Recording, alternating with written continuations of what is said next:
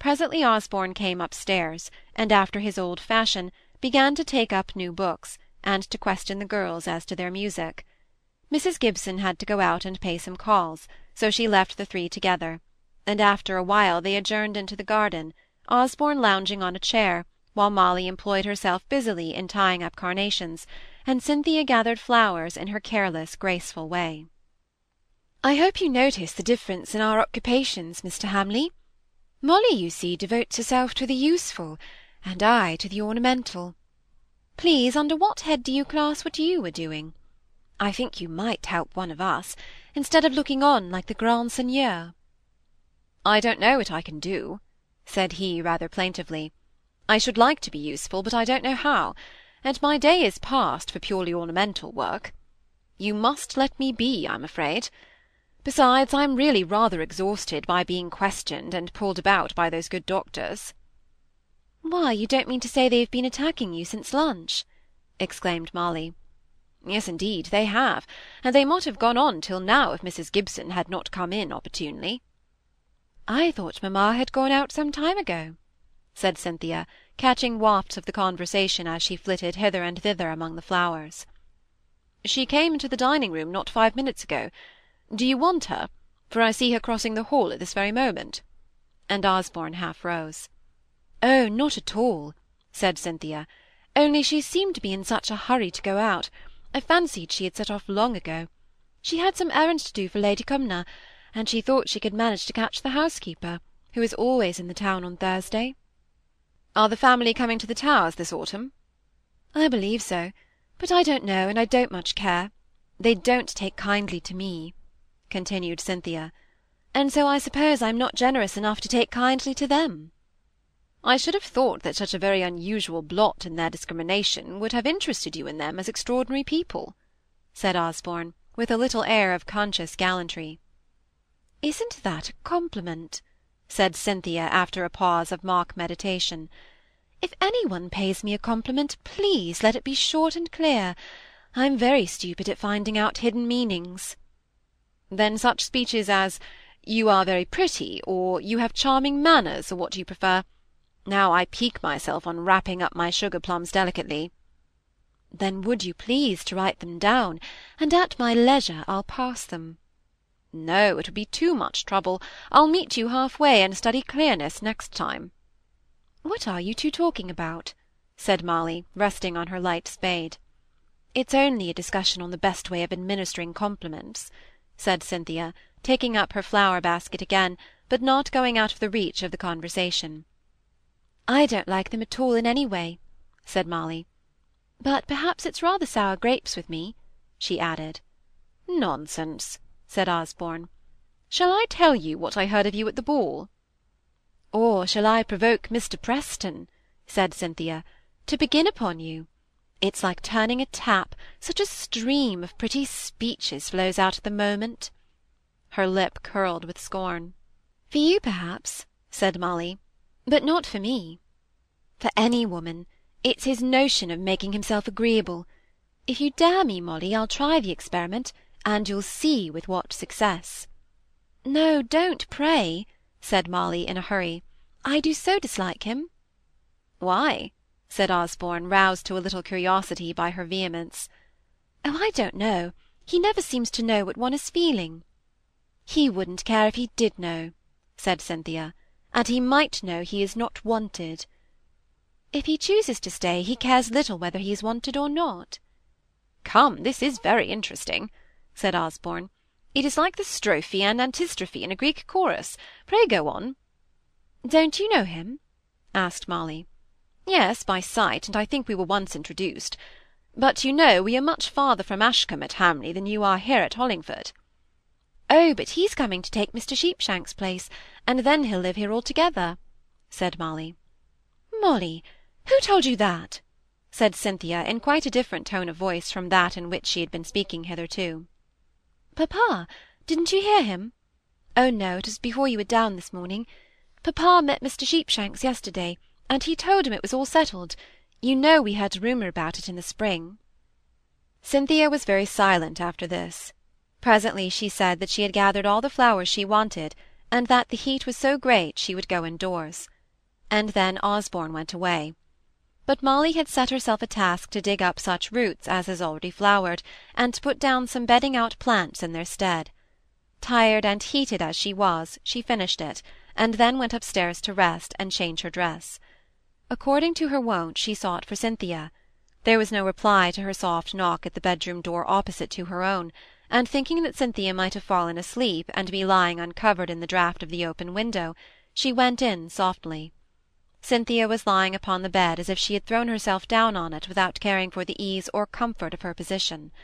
She was very still, and Molly took a shawl and was going to place it over her, when she opened her eyes and spoke.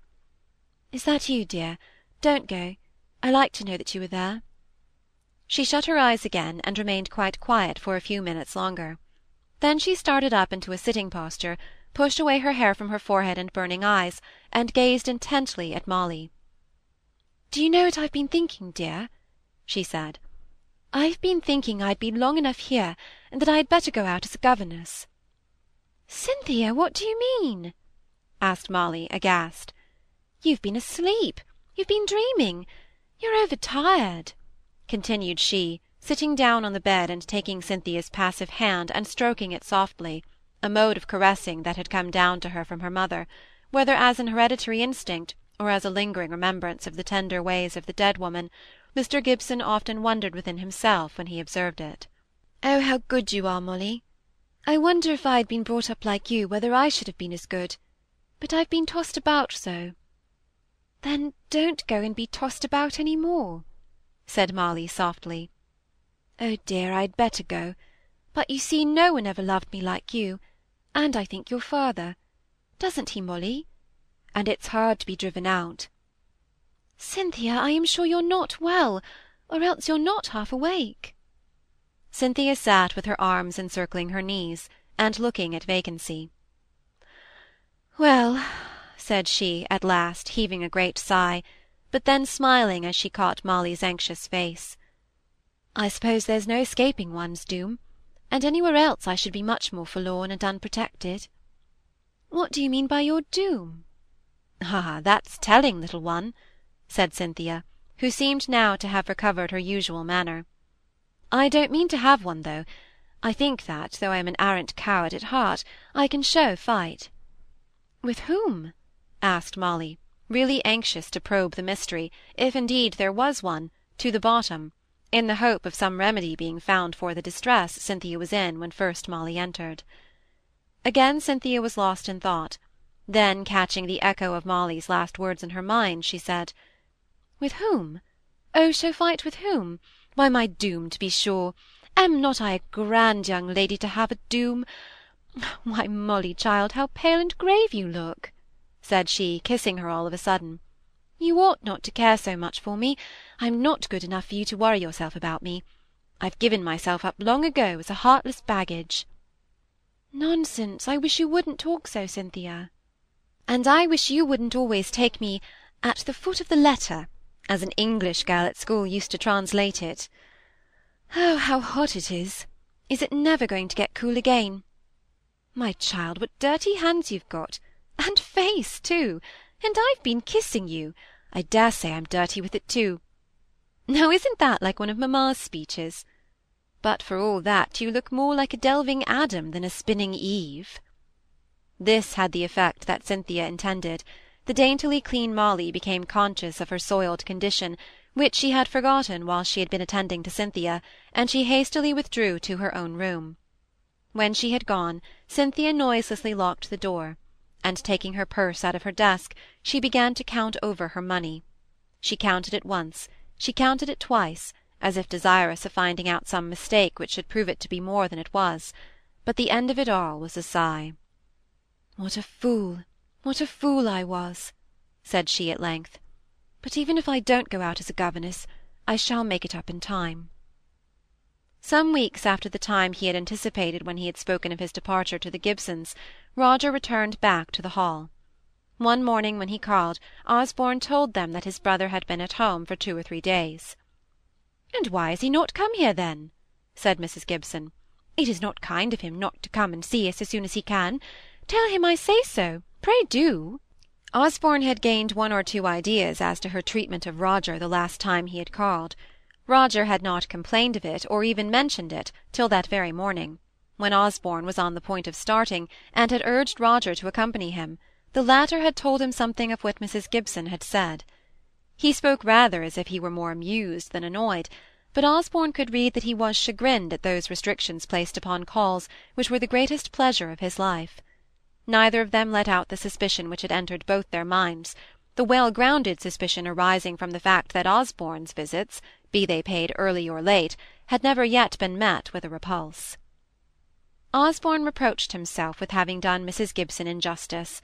She was evidently a weak but probably a disinterested woman, and it was only a little bit of ill temper on her part which had caused her to speak to Roger as she had done. I dare say it was rather impertinent of me to call at such an untimely hour said Roger. Not at all. I call at all hours, and nothing is ever said about it. It was just because she was put out that morning. I'll answer for it she's sorry now, and I'm sure you may go there at any time you like in the future. Still Roger did not choose to go again for two or three weeks, and the consequence was that the next time he called the ladies were out. Once again he had the same ill luck, and then he received a little pretty three-cornered note from Mrs. Gibson.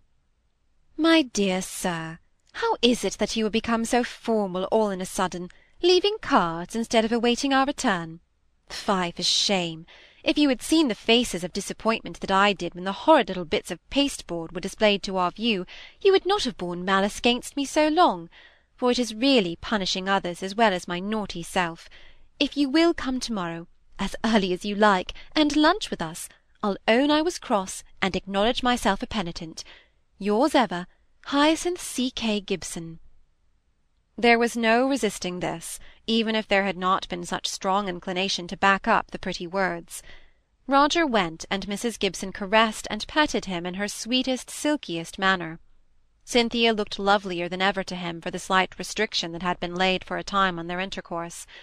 She might be gay and sparkling with Osborne, with Roger she was soft and grave. Instinctively she knew her men. She saw that Osborne was only interested in her because of her position in a family with whom he was intimate, that his friendship was without the least touch of sentiment, and that his admiration was only the warm criticism of an artist for unusual beauty. But she felt how different Roger's relation to her was. To him she was the one alone, peerless. If his love was prohibited, it would be long years before he could sink down into tepid friendship and to him her personal loveliness was only one of the many charms that made him tremble into passion. Cynthia was not capable of returning such feelings. She had had too little true love in her life, and perhaps too much admiration to do so. But she appreciated this honest ardour, this loyal worship that was new to her experience. Such appreciation and such respect for his true and affectionate nature gave a serious tenderness to her manner to Roger, which allured him with a fresh and separate grace. Molly sat by and wondered how it all would end, or rather how soon it would all end, for she thought that no girl could resist such reverent passion, and on Roger's side there could be no doubt. Alas! there could be no doubt. An older spectator might have looked far ahead, and thought of the question of pounds, shillings, and pence. Where was the necessary income for a marriage to come from? Roger had his fellowship now, it is true, but the income of that would be lost if he married. He had no profession, and the life interest of the two or three thousand pounds that he inherited from his mother belonged to his father. This older spectator might have been a little surprised at the empressement of Mrs. Gibson's manner to a younger son, always supposing this said spectator to have read to the depths of her worldly heart. Never has she tried to be more agreeable to Osborne and though her attempt was a great failure when practised upon Roger, and he did not know what to say in reply to the delicate flatteries which he felt to be insincere, he saw that she intended him to consider himself henceforward free of the house, and he was too glad to avail himself of this privilege to examine over closely into what might be her motives for her change of manner. He shut his eyes, and chose to believe that she was now desirous of making up for her little burst of temper on his previous visit. The result of Osborne's conference with the two doctors had been certain prescriptions which appeared to have done him much good, and which in all probability would have done him yet more could he have been free of the recollection of the little patient wife in her solitude near Winchester. He went to her whenever he could, and, thanks to Roger, money was far more plentiful with him now than it had been. But he still shrank, and perhaps even more and more, from telling his father of his marriage. Some bodily instinct made him dread all agitation inexpressibly. If he had not had this money from Roger, he might have been compelled to tell his father all, and to ask for the necessary funds to provide for the wife and the coming child. But with enough in hand, and a secret though remorseful conviction that as long as Roger had a penny his brother was sure to have half of it, made him more reluctant than ever to irritate his father by a revelation of his secret. "Not just yet, not just at present," he kept saying both to Roger and to himself. By and by, if we have a boy, I will call it Roger. And then visions of poetical and romantic reconciliations brought about between father and son, through the medium of a child, the offspring of a forbidden marriage, became still more vividly possible to him, and at any rate it was a staving off of an unpleasant thing. He atoned to himself for taking so much of Roger's fellowship money by reflecting that if Roger married he would lose this source of revenue; yet Osborne was throwing no impediment in the way of this event, rather forwarding it by promoting every possible means of his brother's seeing the lady of his love. Osborne ended his reflections by convincing himself of his own generosity.